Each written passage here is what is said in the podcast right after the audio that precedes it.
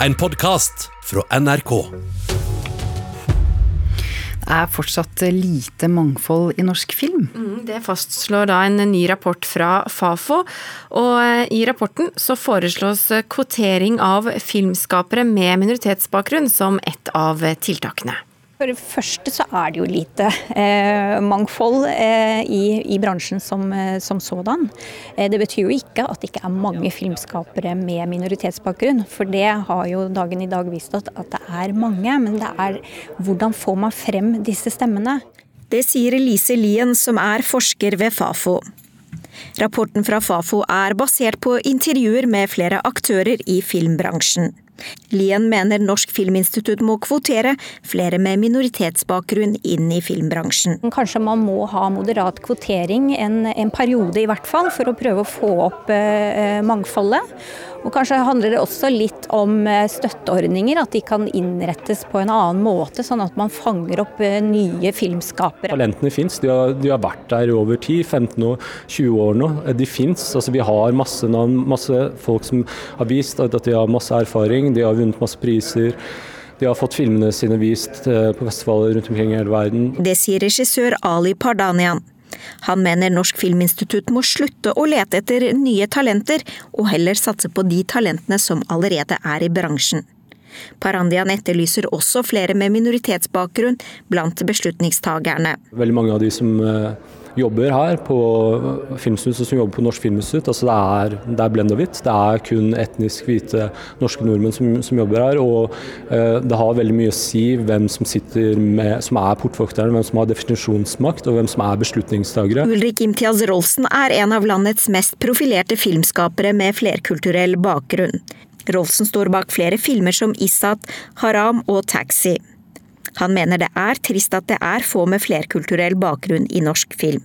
Studien er uh, to the point, syns jeg, etter mine erfaringer. Jeg syns den peker på det viktigste, nemlig at uh, det er bakmennene som har skylda, som det er i, i all krim. Uh, så jeg må si meg veldig enig i rapporten. At det ikke har blitt sett før er jo litt trist, men at det blir sett nå er bra. Nei, vi syns sjøl det går for seint. Dette må gå fortere. Eh, vi har hatt et noe uheldig år i fjor med omstillingsprosesser. Men nå er det plukka opp igjen. Nå er det nytt år og nye kluter eh, satt til. Det sier Lars Løge, som er avdelingsdirektør i Norsk Filminstitutt.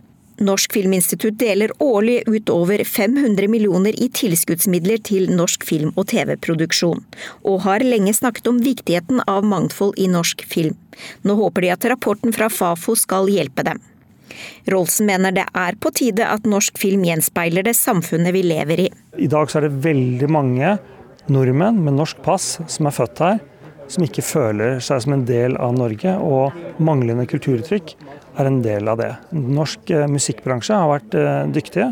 Eh, det er mange i norsk, norsk musikkbransje som kommer fra forskjellige steder si, etnisk sett, men norsk TV og film har vært dårlig på det, og dermed så er ikke norsk TV og film relevant for den befolkningen.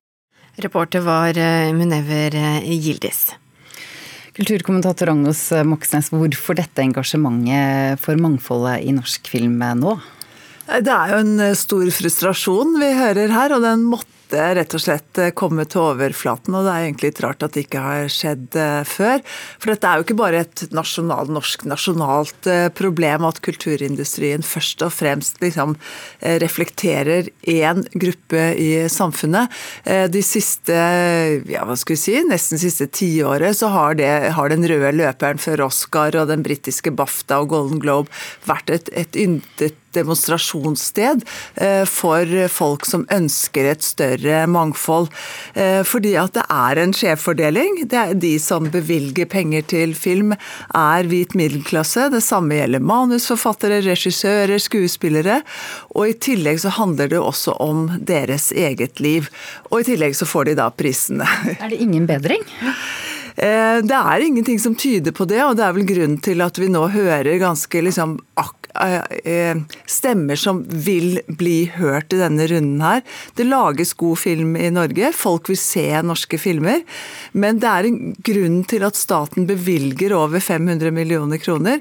Det er jo fordi man ønsker at film skal si noe om hele samfunnet, om alle som bor her, og ikke bare en liten gruppe. De fleste er vel enige om det, så hvorfor er det så vanskelig å få til?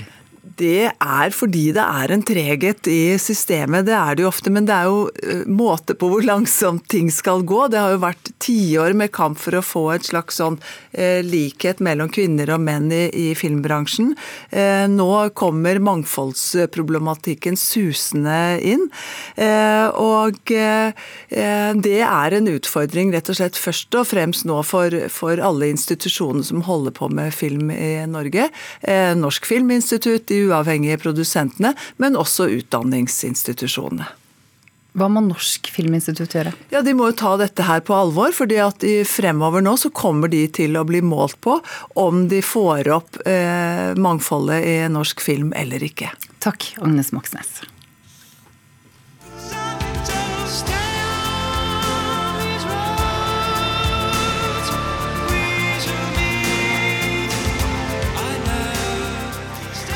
Men a-ha er ikke lenger eh, på veien. Den ene eh, konserten etter den andre blir avlyst pga. Av koronaviruset. Og I går ble det kjent at a-ha avlyser eh, Japan-turneen sin.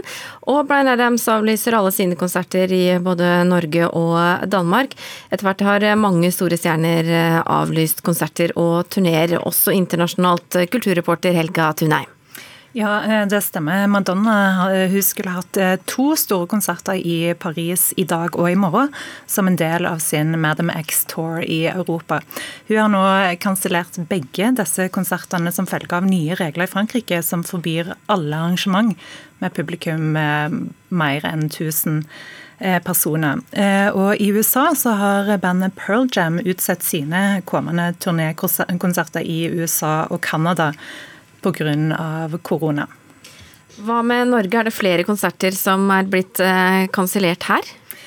Ja, eh, til helga starter Oslo internasjonale kirkefestival. Eh, der er flere arrangement nå avlyst, bl.a. en konsert med et norditaliensk ensemble. Det blir heller ikke noe kirkekaffe eller andre sosiale arrangement knytta til årets program, skriver Vårt Land. Og så er det den neste store konserten som er satt opp i Spektrum, avskjedskonserten til Vazelina Bilopphøggers og ekstrakonsert. Og her er det knytta stor eh, spenning eh, blant eh, publikum om hva som skjer der. Takk skal du ha, Helga Tunheim, og vi fortsetter med Kirkefestivalen.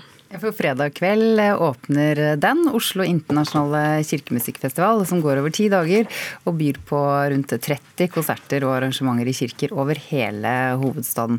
Festivalen har etablert seg som en av de største og viktigste for klassisk musikk i Norge, og arrangeres for 20. gang.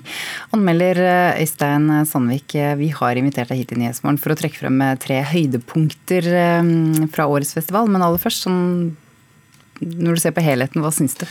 Nei, altså det er, det er, ingen store overraskelser, sånn på godt og vondt. Altså det kommer til å bli en god festival. Altså Festivalsjef Bente Jonsrud plukker med kresen hånd fra øverste hylle. Så det kommer større internasjonale ensembler i toppklassen, hvis ikke de da blir avlyst pga. Av koronaviruset. Her er det mange usikkerhetsmomenter, så det blir kanskje den største overraskelsen.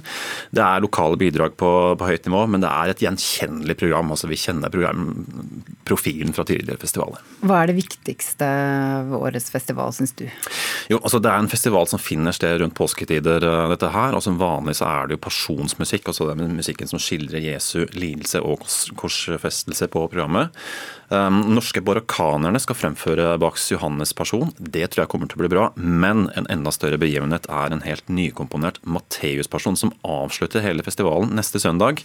Og den er det en dansk komponist av internasjonalt format som står bak.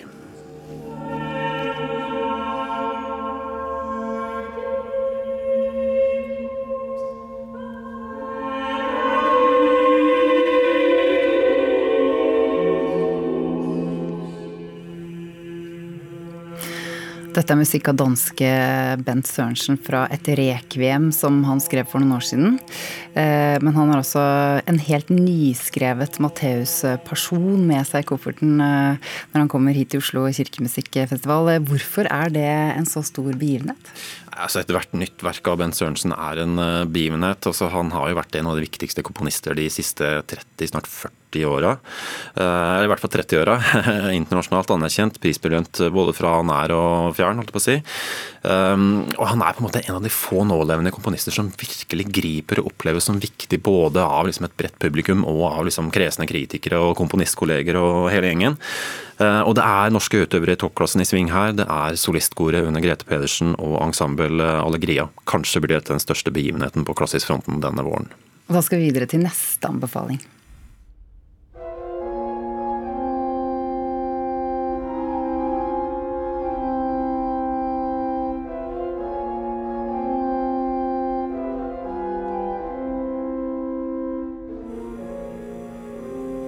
Her hører vi Oslo domorganist Kåre Nordstoga spille sitt eget arrangement av folkemelodien Rosa, etter eh, felespilleren Knut Buen. Og dette blir det mer av i denne festivalen eh, allerede på lørdag, eller? Ja, det stemmer det. Altså, det er nok en ufremføring. Altså, han skal spille det han har kalt for tolv folketonepreludier. Uh, som da er uh, korte orgelstykker som baker inn kjente og ukjente folkemelodier. Mange av dem da med religiøs uh, tekst. og Kåre Nordstoga, altså enten han reiser rundt i Europa og spiller inn Bach på gamle orgler, eller liksom samarbeider med stort og smått i norsk musikkliv, så er det alltid en fantastisk musiker som sitter på krakken. Så dette, og Han har holdt på med dette folketoneopplegget sitt i mange år. Det å lage orgelversjoner av folkemelodier. Og dette blir en slags sånn foreløpig kulminasjon av hele det prosjektet, så jeg tenker at det kan bli en ordentlig høytidsstund en litt sånn sen lørdagskveld i Oslo domkirke. Rekker så vidt én anbefaling til.